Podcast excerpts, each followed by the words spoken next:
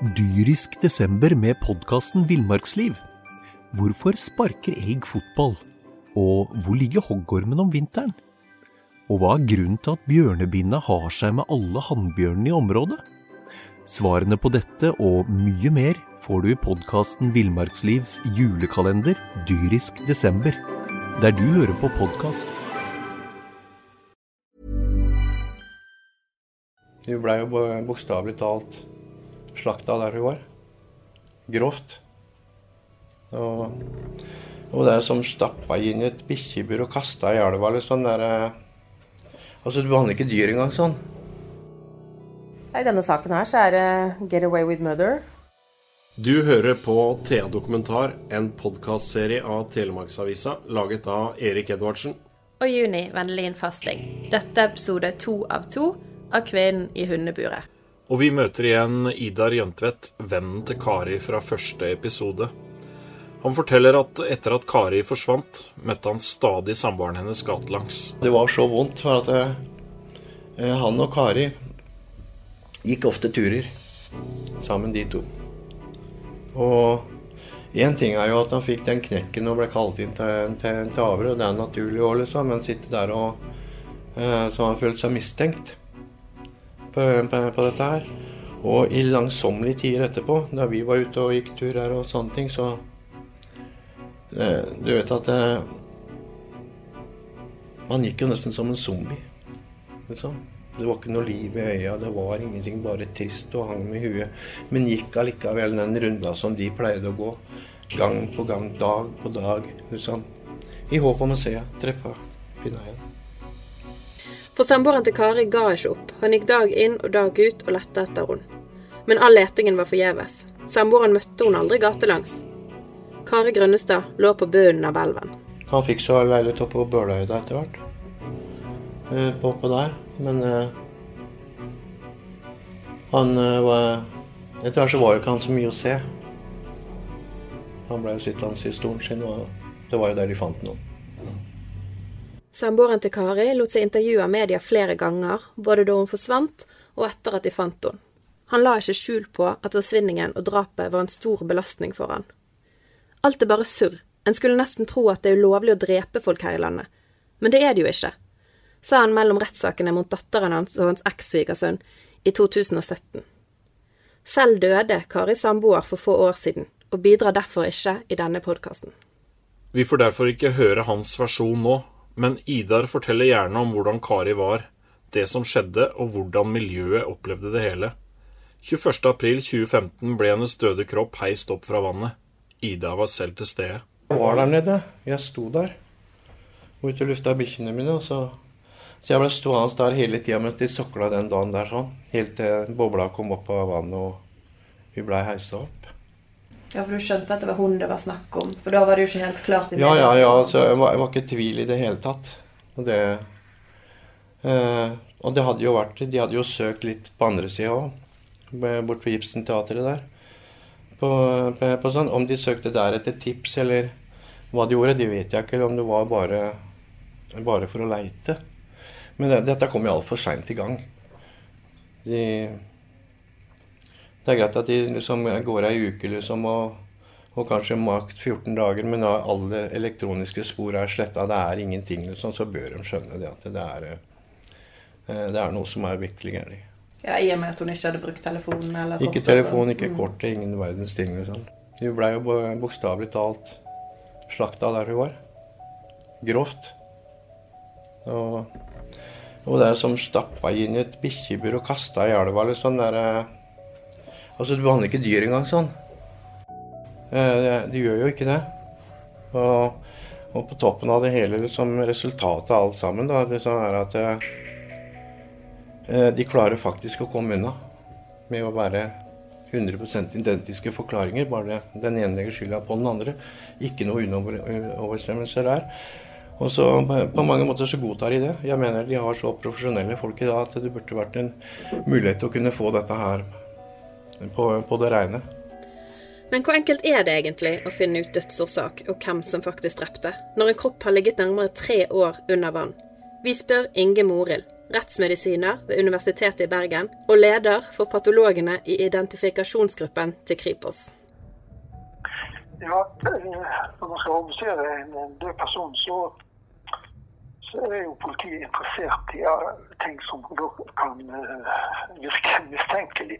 For det, er veldig mange av de sakene vi har, det, det viser seg jo er naturlig dødsfall.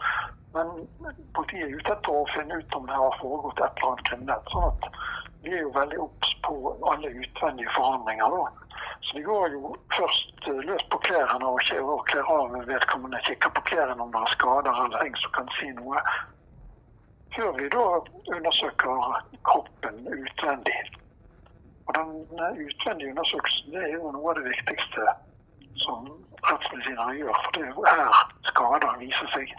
En utvendig undersøkelse er ofte sammen med politiet, før vi da åpner opp kroppen og ser på indre organer og de indre eventuelle skader og sykdomsforhandlinger som finnes der, for å kunne si noe om, om dødsårsaken. Mm. Men hvordan er det da når et, et menneske sånn som Kari Grønnestad har ligget eh, nesten tre år under vann? Hvordan påvirker det en kropp, og hvilke utfordringer er det ved det ved obduksjon? Nei, altså Det kan variere litt.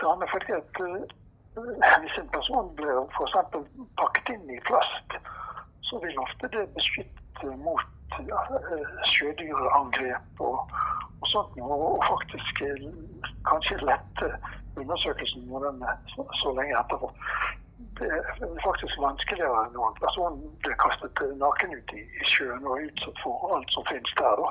Mm det som skjer i kroppen med forordningsforhandlinger osv. Uansett så, så vil en gjenkjenning være umulig, vil jeg jo si. Sånn at da må man bruke noen av disse kriteriene som jeg nevnte. Og når en kropp ligger lenge i vann, så vil også fingeravtrykk være nærmest utelukket. De fingrene vil bli Huden vil forsvinne, i hvert fall ikke kunne brukes til noe fingeravtrykksfastsettelse. Så da blir det en av to ting. Det blir enten undersøkelse ved hjelp av tannforhold. Det vil altså si at man må ha en viss peiling på hvem dette kan dreie seg om. Eller DNA. Og DNA det fins jo da i alt vev som vi har, men når man har ligget så lenge i sjøen, så tror jeg kanskje at den beste kilden for DNA det er enten kraftige bein, sånn som lårbeinet, eller røttene i, i tenner. Når du sier at det etter så lang tid som her, da, tre år eh, ca., er vanskelig med identifisering, hvor lett er det da å finne en dødsårsak og se skader etter så lang tid? Det kan jo være veldig vanskelig. Men igjen, altså, hvis vedkommende er pakket inn, så, så, kan man eh, ofte finne forandringer hvis det er litt, litt hud og, og, sånn igjen. Så kan man se skader selv om de vil bli utvisket og, og foråpnet i løpet av den tiden som er gått. Men uh, dekking av plast bevarer en god del. Men så er det mange forhold selvfølgelig som spiller inn. Påkledning ellers og varme i sjøen og, og sånne ting. Kald, kaldt fjellvann f.eks. Der er det lite aktivitet og sånt. og Der er det ofte gode sjanser. Mens er det en god, varm sommerdag med masse med varmt vann og, og masse forurensning i sjøen, så, så går alle forurensningsprosesser og alt mye raskere. og Det blir mye vanskeligere. Men etter tre år kan det tenkes, hvis vedkommende var innpakket, at det kunne være forandringer i huden. Hvis, eh, hvis en person da ligger utildekket i sjøen etter tre år, så vil det sannsynligvis nesten bare være skjelettrester igjen. Eh, for Én ting er jo liksom det med dødsårsak, men sånn som i denne saken så er det jo snakk om to mennesker som begge har vært involvert, men der ingen av de eh, vil på en måte stå for selve drapet. Er det noe, altså, hvordan er mulighetene for å finne ut noe mer sånn teknisk sett hvem som faktisk har gjennomført selve drapet? Nei, det kan jeg tenke meg kan bli nesten umulig. Det, det, det kan bli veldig vanskelig. Det, og vanligvis så, så, er det jo gjerne spor av Hvis man har et våpen eller sånt spor fra en gjerningsmann, det kan være DNA og sånne ting, fingerkontrakt og alt. Men det der det vil forsvinne etter så lang tid. Altså. Så jeg tror det vil være håpløst. Da har vi hørt litt om hvordan en rettsmedisiner jobber, og hva som kan skje med et lik som har ligget så lenge i vann. Det er også momenter som retten tar opp i sin vurdering av saken. Retten er strenge i språket når de beskriver hvordan den døde kroppen til Kari Grønnestad ble behandlet.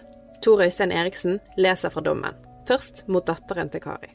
Likskjendingen i saken her innebærer etter rettens syn en gruvekkende og bestialsk handling, både i form av den nedverdigende behandling det er å legge et lik i et brukt hundebur, og særlig det å senke det i buret i elva. På denne måten har tiltalte vist en total mangel på respekt for avdøde, og i tillegg skadet liket ved å senke det i vann over år. Det er ikke tvilsomt at tiltalte forsto og visste at avdøde var blitt drept, og at de handlinger hun begikk og medvirket til, hadde til hensikt å skjule dette. Dette skjerper alvorligheten av handlingen påtagelig. I samme retning skal det vektlegges at tiltalte med visshet om at liket var plassert i et bur i vannet, lot det ligge der i tre år før det ble oppdaget. Denne tiden har for det første medført ytterligere forringelse av liket, og således bidratt til ytterligere mishandling av det. For det andre har denne tiden medført en stor belastning for avdødes etterlatte, som ikke har fått svar på hva som skjedde med avdøde, eller fått en grav å gå til. Det vektlegges også at handlingene ble begått i nærheten av et fire år gammelt barn som oppholdt seg i leiligheten det døgnet liket ble oppbevart der. Selv om det ikke er holdepunkter for at barnet har sett handlingen eller liket, er det skjerpende at slike handlinger begås med barn i umiddelbar nærhet, hvor de lett kunne blitt vitne til handlingen. Så skal vi høre hvordan dommen vurderer datterens samboers rolle i likkjenningen. Ved særlig å plassere liket etter Kari Grønnestad i et hundebur, for noen timer senere senke det i vannet med visshet om at kroppen gradvis ville gå mer eller mindre i oppløsning dersom det ikke ble funnet, fremstår som både nedverdigende og respektløst. Tiltalte var på det rene med hva han var med på og kjent med at liket skulle dumpes i sjøen. Han dømmes derfor i samsvar med tiltalebeslutningen, ettersom det ikke foreligger noen tvil om at han handlet forsettlig. Ved straffeutmålingen legges det særlig vekt på at likskjendingen hadde som formål å skjule en drapshandling og at liket ble liggende svært lang tid i sjøen før det ble funnet. Tidsforløpet medførte følgelig at liket ble gradvis forringet, og at pårørende levde i uvisshet i flere år om hva som hadde skjedd med Kari Grønnestad, hvilket utvilsomt må ha vært en stor belastning. I formildende retning må det tas betydelig hensyn til at det var tiltalte som varslet politiet om hvor liket kunne være å finne. Det legges til grunn at saken ikke ville blitt oppklart på lang tid, og muligens heller aldri, dersom ikke tiltalte hadde informert politiet. Ved å opplyse om hvor liket var dumpet og forklare seg om hvordan kroppen var håndtert før den ble kastet i sjøen, la han ikke bare grunnlaget for egen domfellelse, men også for at samboeren måtte stå til ansvar for likskjendingen. Datteren og samboeren ble altså dømt for eh, likskjending. Datteren fikk åtte måneders fengsel, hvorav to av dem var betinget. Hun hadde allerede sittet så lenge i varetekt at hun ikke måtte sone mer. Samboeren til datteren ble dømt til seks måneders fengsel, der halvparten ble gjort ubetinget. Ved soning ble 18 dager i varetekt trukket fra. Det ble altså to dommer i denne saken, men det er fortsatt mange løse tråder, og spørsmål vi kanskje aldri får svar på. I Thea så har vi vår egen krimekspert, Elisabeth Løsnes. Vi har tatt en prat med hun rundt de ulike utfordringene påtalemyndighetene måtte forholde seg til i arbeidet med Kari Grønnestad-saken. Vi kan begynne med at du, Elisabeth, eh, forteller litt om hvorfor dette er en spesiell sak for politiet. Saken er jo spesiell fordi at eh, avdøde Kari Grønstad ble funnet i et hundebur. Eh, veldig oppsiktsvekkende med tanke på at hun hadde ligget i Skienselva i tre år. Var savna. Og den saken hadde vel ligget ganske brakk i de åra. Eh, og så dukker det da opp en telefon til politiet i 2015 hvor da datterens da ekssamboer forteller at, eh, at eh, Grønstad da er død og senka i Skienselva. Og da, da, starter jo selvfølgelig en drapsetterforskning. Og da er man jo tre år på etterskudd. Og det er jo et dårlig utgangspunkt i seg sjøl. Kan du si litt om de utfordringene politiet hadde først i 2012 og så i 2015? Det begynner jo dårlig for politiet, den saken her? Eh, Grønnestad var jo Det viste seg at hun var på besøk hos dattera si og samboeren hennes eh, 4.6 i 2012. Eh, så skulle hun ta bussen hjem, eh, og så dukker hun ikke opp hjemme. Eh, da ringer jo da samboeren hennes, altså far til datter, ned til datter og, og spør etter mor. Nei, hun har gått for lenge siden. Ja. Og så dukker hun jo ikke opp. Men hun blir jo ikke meldt savna før etter tre uker. Og da, jo, da, er jo politiet tre uker på etterskudd. Altså hva har skjedd? Og da, da setter jo de i gang med sånne ting som man gjør når personer er savna. Eh, da er det jo eh, å sjekke om det har vært noen bevegelser eh, på bankkonto, f.eks. Og det ser vi at det har ikke vært. Kan vi lese ut av saken etterpå. Og så sjekker man om mobiltelefonen har vært i bruk. I 2012 så var jo mobiltelefon vanlig. Og det, det, har den heller ikke vært, da. Så da har det jo ikke vært noen bevegelser på Grønnestad i de tre ukene. Eh, samtidig så er man jo eh, på etterskudd når det gjelder vitner. Vi vet jo fra andre saker at uh, altså vitner og det å huske bare kort tid etter at man har observert noe, det er vanskelig. Uh, man blander dager, man blander uker. Uh, kanskje ting man er vant til å se. Det, det blander man i altså er, Du kan tenke deg sjøl, altså, lytterne kan jo tenke seg sjøl. Ta tre uker tilbake i tid. altså Den dagen. Altså hvor var du da? Hva så du da? Eh, kan du skille dagene fra hverandre? Du har kanskje handla på Kiwi tre ganger i uka. Altså Hvilken av de dagene du handla på Kiwi, var du skulle sett noe ja, Da kan vi begynne å tenke at det er, eh, det er vanskelig for vitner. Så tid er kritisk, og mm, tiden jobber mot politiet, da. Sånn som du vurderer det, vitneutsagn tre uker etterpå, har det noen verdi for politiet i det hele tatt? Ja, altså det kan jo ha verdi. For det at eh, det kan jo Altså vi vet jo det at hvis du f.eks. Eh, kan knytte noe spesielt til den vitneobservasjonen din, si at det liksom eh, du kom Det er noe spesielt som har skjedd som du har bitt deg merke i, altså, eller noe som er spesielt for deg, og så i den forbindelse legger du merke til noe som er van, eller noe som du kan knytte til den vitneobservasjonen, så kan du selvfølgelig huske det tre uker etterpå. Men liksom, hvis det bare er ei dame du har sett på gata, som du ser damer på gata hver dag, så er det litt vanskeligere. Så det er litt som Da må du ha litt flaks. Eh, men det er ikke, det er ikke umulig tre uker etterpå, eh, selvfølgelig. Men det er ikke like lett. Så det er jo alltid eh, viktig i sånne saker, og jeg tenker at politiet burde være enda flinkere med det. Det er at i sånne alvorlige saker at man man går ut og, og, og, ber om tips fra publikum. For eh, folk, er, eh, folk følger med, og folk får med seg mye. Det er yrkessjåfører, det er taxisjåfører, bussjåfører. Folk som følger med. Så det, det, er, eh, det er, opplysninger å hente. Og det så vi jo f.eks. i fjor sommer i Skien i juli, hvor det ble funnet en eldre død kvinne på Hyniveien. Da var politiet raskt på banen ba om tips fra publikum, og det strømma på med opplysninger til politiet. Og de klarte å kartlegge hennes bevegelser ganske kjapt. Og det kan man si da i 2012, da. Så når man satte i gang da, så sjekka man jo bank, eh, bank man sjekka uh, mobil. Men politiet har jo i ettertid, når saken ble avgjort, eller i forbindelse med at saken skulle opp i retten i 2018, eh, tatt kritikk for at de ikke gjennomførte denne Eh, at det ikke ble gjennomført en ordentlig etterforskning kan man vel si, i forbindelse med den forsvinningssaken. Fordi de har erkjent i ettertid at det skulle vært foretatt flere avhør, og det, og det, skulle kanskje vært gjort tekniske undersøkelser. Når man begynner med tekniske undersøkelser tre år etterpå eh, på et eh, åsted for drap, så, så, er det jo selvfølgelig vanskeligere å finne spor. Og, og alt er jo Ja, det er jo Tiden jobber jo mot politiet og for de som drepte Grønnestad, for det er jo ikke noe tvil om at hun ble drept. Um, sånn at det, det, er en, eh, det, er en, utfordring uh, der.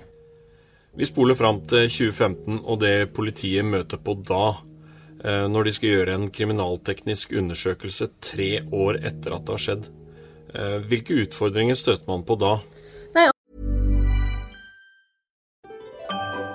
Dyrisk desember med podkasten Villmarksliv. Hvorfor sparker elg fotball? Og hvor ligger hoggormen om vinteren? Og hva er grunnen til at bjørnebinna har seg med alle hannbjørnene i området? Svarene på dette og mye mer får du i podkasten Villmarkslivs julekalender dyrisk desember, der du hører på podkast. Altså da, da er jo Altså de som har eh, Altså drapsmannen, drapskvinnen eller de som står bak eh, dette drapet, altså de, de har jo hatt god tid til å skjule spor. Eh, man har hatt god tid til å tenke ut hva man skal forklare. Man har hatt god tid til å gjøre mange ting. Eh, det er jo ikke et ferskt åsted med ferske DNA-spor. Det er ikke noe fotspor. Det er ikke noe fingeravtrykk. Det er ikke noe å hente. Og samtidig da, så var jo det, dette åstedet var jo da også leiligheten til datter og hennes samboer. Sånn at det, det var jo naturlig at deres DNA var der. Så eh, sånn sett ville det også vært vanskelig den gangen. Men selvfølgelig hadde liket ligget da der det vedkommende ble funnet, på badet i denne leiligheten, så ville jo politiet hatt et helt annet utgangspunkt. Det, det vet vi jo. Altså drap der uh, kunne vært fingeravtrykk, det kunne vært Kanskje man til og med hadde kunnet funnet et drapsvåpen. Eh, det ville vært eh, muligheter på en helt annen måte når det gjaldt eh, sånne rettsmedisinske undersøkelser av, av offeret. Så det hadde man jo ikke. Og samtidig så var også åstedet eh, vaska og rydda, brukt i mange år etterpå. Men politiet fant jo eh, blodspor fra Grønnestad der, på tre steder. Bl.a. Eh, på badekaret, hvor hun i etterkant da det ble forklart at hun hadde blitt lagt, så de fant jo noe blod der, men hva sier de spora, da? Altså det, jo, det blei jo forklart at hun lå død på badet, så det, det, beviste jo bare at hun hadde vært der. At det eller det var blod. Det beviste ikke at hun hadde vært der, men det beviste at det var blod fra, fra offeret der.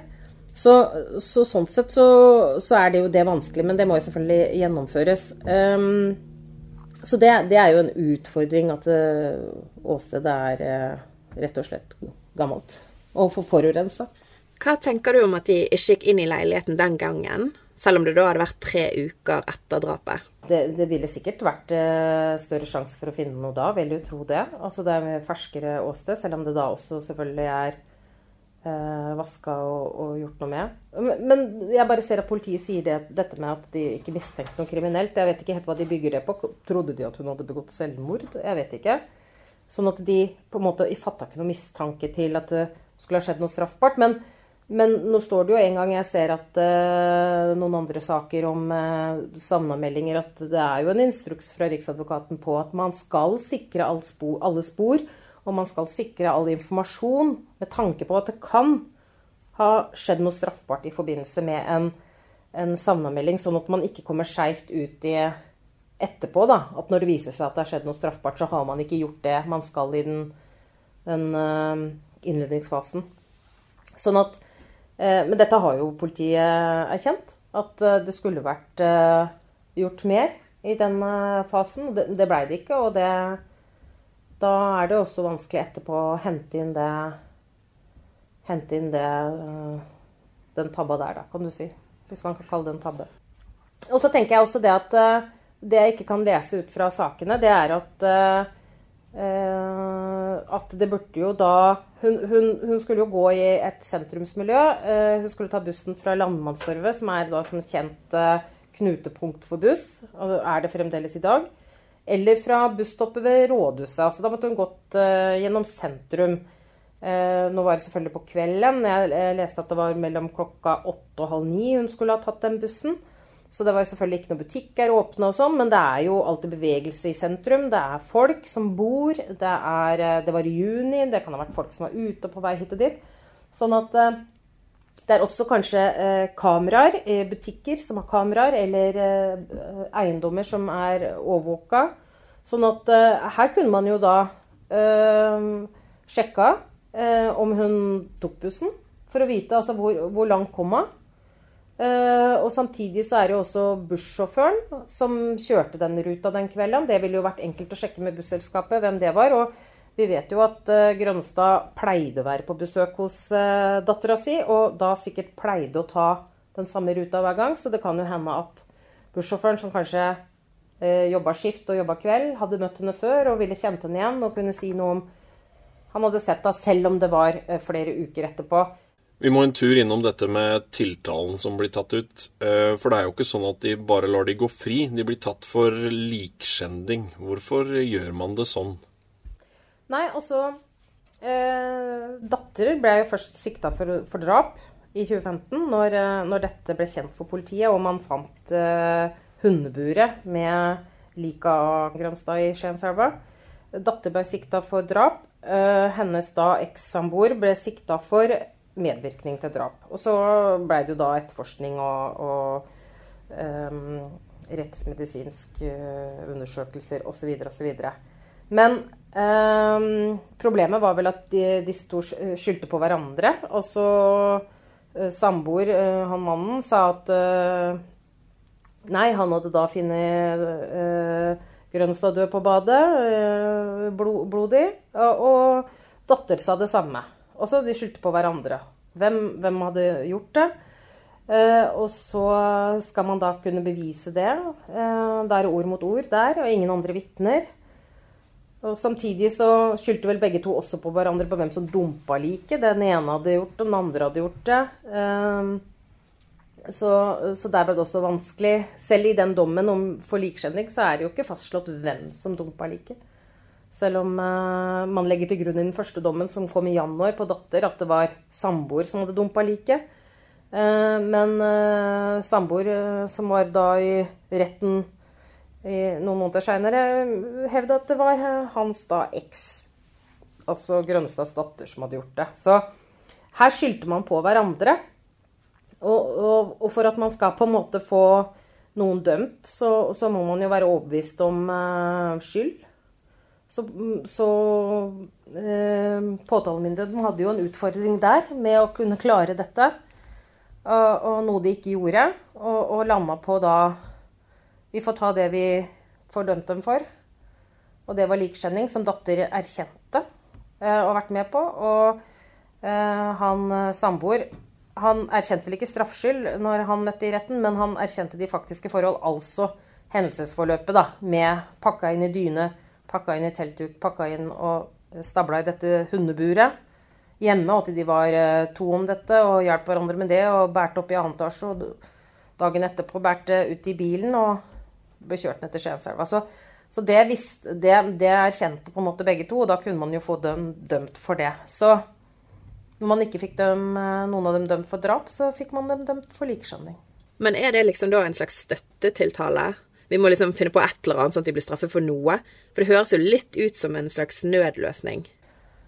Jeg vet ikke om vi kan kalle det nødløsning, men det var i hvert fall det som man kunne få til. Altså, det, det var ikke Det ble vanskelig å bevise drap, selv om hun var drept. Eh, men eh, så kan si sånn i hvert fall eh, Man fikk i hvert fall dømt dem for noe, da. Men det er jo litt forskjell på å bli dømt for likskjending og, og, bli, uh, bli dømt for drap i forhold til strafferamme på det. De fikk jo åtte og seks måneders fengsel. Er det så enkelt at man bare kan skylde på hverandre, og så går man fri for drap? I denne saken her så er det 'get away with murder'. Det kan vi vel si. Men uh, men sånn, eh, sånn blei det, og det, det, var vanskelig å få det, få det, bevist. Da. Og det ser vi jo i andre saker også. Det, vi ser jo det i um, saken i den første podkasten til Thea om uh, denne saken med Linn Madeleine som ble funnet i, i, vannet der, og hvor det var mange som var overbevist om at det var et drap, men hvor man endte med å Eh, en tiltale på å ha forlatt eh, en person i hjelpeløs tilstand. Eh, og det, det var det man kunne bevise. Så det er litt det med at så lenge man ikke er overbevist om det, så tar man heller ut en mildere tiltale, for da sikrer man i hvert fall å få dømt vedkommende for noe? Ja, eller at man Eller hvis du snur på det og sier at da Hvis man Man kan ikke tiltale noen Eller man kan jo, for det man gjør jo Man vurderer jo bevis forskjellig. Men hvis den som har gjort vurderinga, mener at her vil man ikke få Eller her vil det være problematisk å få vedkommende dømt fordi bevisene ikke er tilstrekkelige, eller man klarer ikke å bevise det i det hele tatt, sånn som i, i, i vår sak med Kari Rønstad, så klarer man altså hvem, hvem, av de to Eller hva, hva gjorde de? Hvem drepte han? Og liksom eh, så, så, lander man på et annet alternativ. Det, tenkte, det som slo meg litt da, når, eh, når, jeg ser den saken her, så tenkte jeg litt sånn Men hvorfor kan man ikke bare få dømt dem for medvirkning? For det, en av de, uh, det er jo sannsynlig at en av dem drepte. At det ikke var en treperson som var inne på det badet i den leiligheten og drepte, og så etterpå skulle Hvorfor skulle de da kvitte seg med liket. Altså eh, De peker jo også på hverandre. Så den ene mener den ene drepte, og den andre mener den andre drepte. Og da diskuterte jeg litt det med mm, en eh, politiadvokat forleden om dette med medvirkning, for det, det syns jeg kan være litt interessant. Og, og da, da, er det jo litt sånn at da skal, man, da skal man også være overbevist om at altså Hvis det skal være medvirkning, så må man være overbevist om at liksom den som har medvirka, eller at den visste hva som skjedde. At man kunne liksom si at, uh, at uh, nå blir uh, Kari drept, og jeg griper ikke inn. Når de finner dette liket i 2015, hvordan går man fram da? Ja, altså det, Dette liket da, er lagt i fosterstilling da, for å få plass i dette hundeburet som var klept opp. og, og lagt i ei dyne, og så var det tulla en teltduk rundt, og så var det noe kamuflasjenett som var, eh, som var tulla rundt der, så hun var pakka godt inn, og så var hun lagt i dette hundeburet og satt på, og så var det stripsa igjen. Så ble jo det velta ut i mm, Skienselva, da, og der så jeg også at det var gjort undersøkelser på om at én person kunne gjøre dette, og det, det, mente man jo var sannsynlig, at det fløyt litt, og så lå ti Det lå vel, det lå vel eh, ti Enten var det 10 meter ut fra brygga og så 15 meter ned, eller omvendt. 15 meter ut og 10 meter ned. Eh, og når man da Da blei jo det her eh, liket liggende innpakka i vann i tre år, før eh, politiet fikk eh, denne meldinga fra datteras ekssamboer om at eh, avdøde lå i elva. Fikk man det opp, og da har jo liket ligget i vann i mange år. Eh, og da er det vanskelig å finne DNA. Uh, fordi at vann, vann ødelegger spor, da. Uh, sånn sett. Um, og det har blitt Ja, det har jo ligget vått. Det måtte jo tørkes etterpå alt sammen. Og, og da er det rimelig håpløst, altså. Å, å finne noe fellende DNA-bevis. så kan du si ja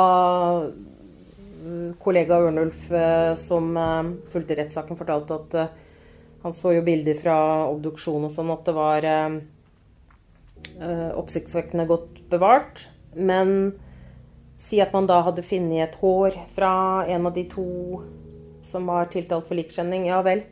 Det var deres leilighet, og hun var der og pakka inn i deres dyner og Så liksom Én ting er jo å, noen ganger i noen saker å finne DNA.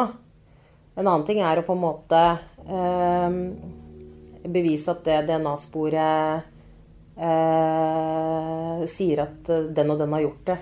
Ja. Så, så sånn sett så var eh, Så var det på en måte ganske vanskelig, da. Så mange år etterpå. Og så var det jo snakk om at Kari skulle arve noen penger her. Ja, det, det ser jeg nevnt i, i noen av sakene, at hun skulle arve noen penger. Og det Hvor mye penger, det Men da antar jeg at det var en, en bra sum, da.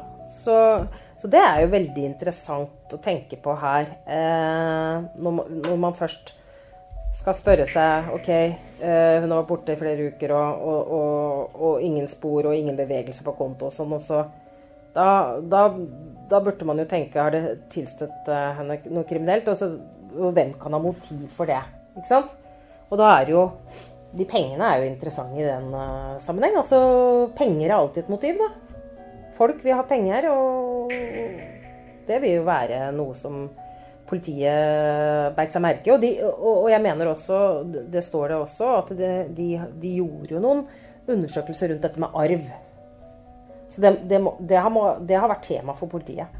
Og så kan man jo Noe som er viktig, tenker jeg, å, å, å reflektere litt rundt, er også Hvis det var samboeren til datter som drepte mora, hvorfor skulle hun være med på å skjule det? Ville ikke det vært Eh, noe som burde hun, liksom, Jeg finner mamma slått i hjel på badet mitt. Jeg vil melde fra. Nei, hvorfor ikke det? Eh, selvfølgelig beskytte samboer, som er far til barnet hennes. eller at hun ikke hadde så godt forhold til mor etter en vanskelig oppvekst. Sånn sett. Men hvorfor skulle hun skjule det? Det er også et interessant spørsmål.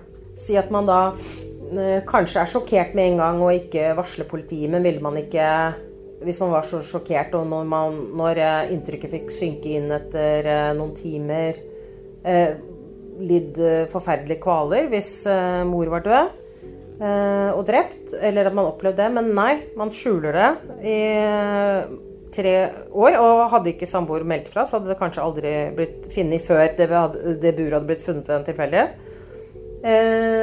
og det er jo også verdt å, å påpeke at datter gikk ut i media eh, sammen med far, som var intetanende, og, og, og, ba om opplysninger om mor som var savna. Og at hun da i saken opplyser at eh, hun hadde vært og leita langs ruta til bussen etter mor.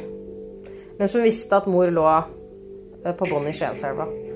Og det også syns jeg sier noe om eh, tankegangen her.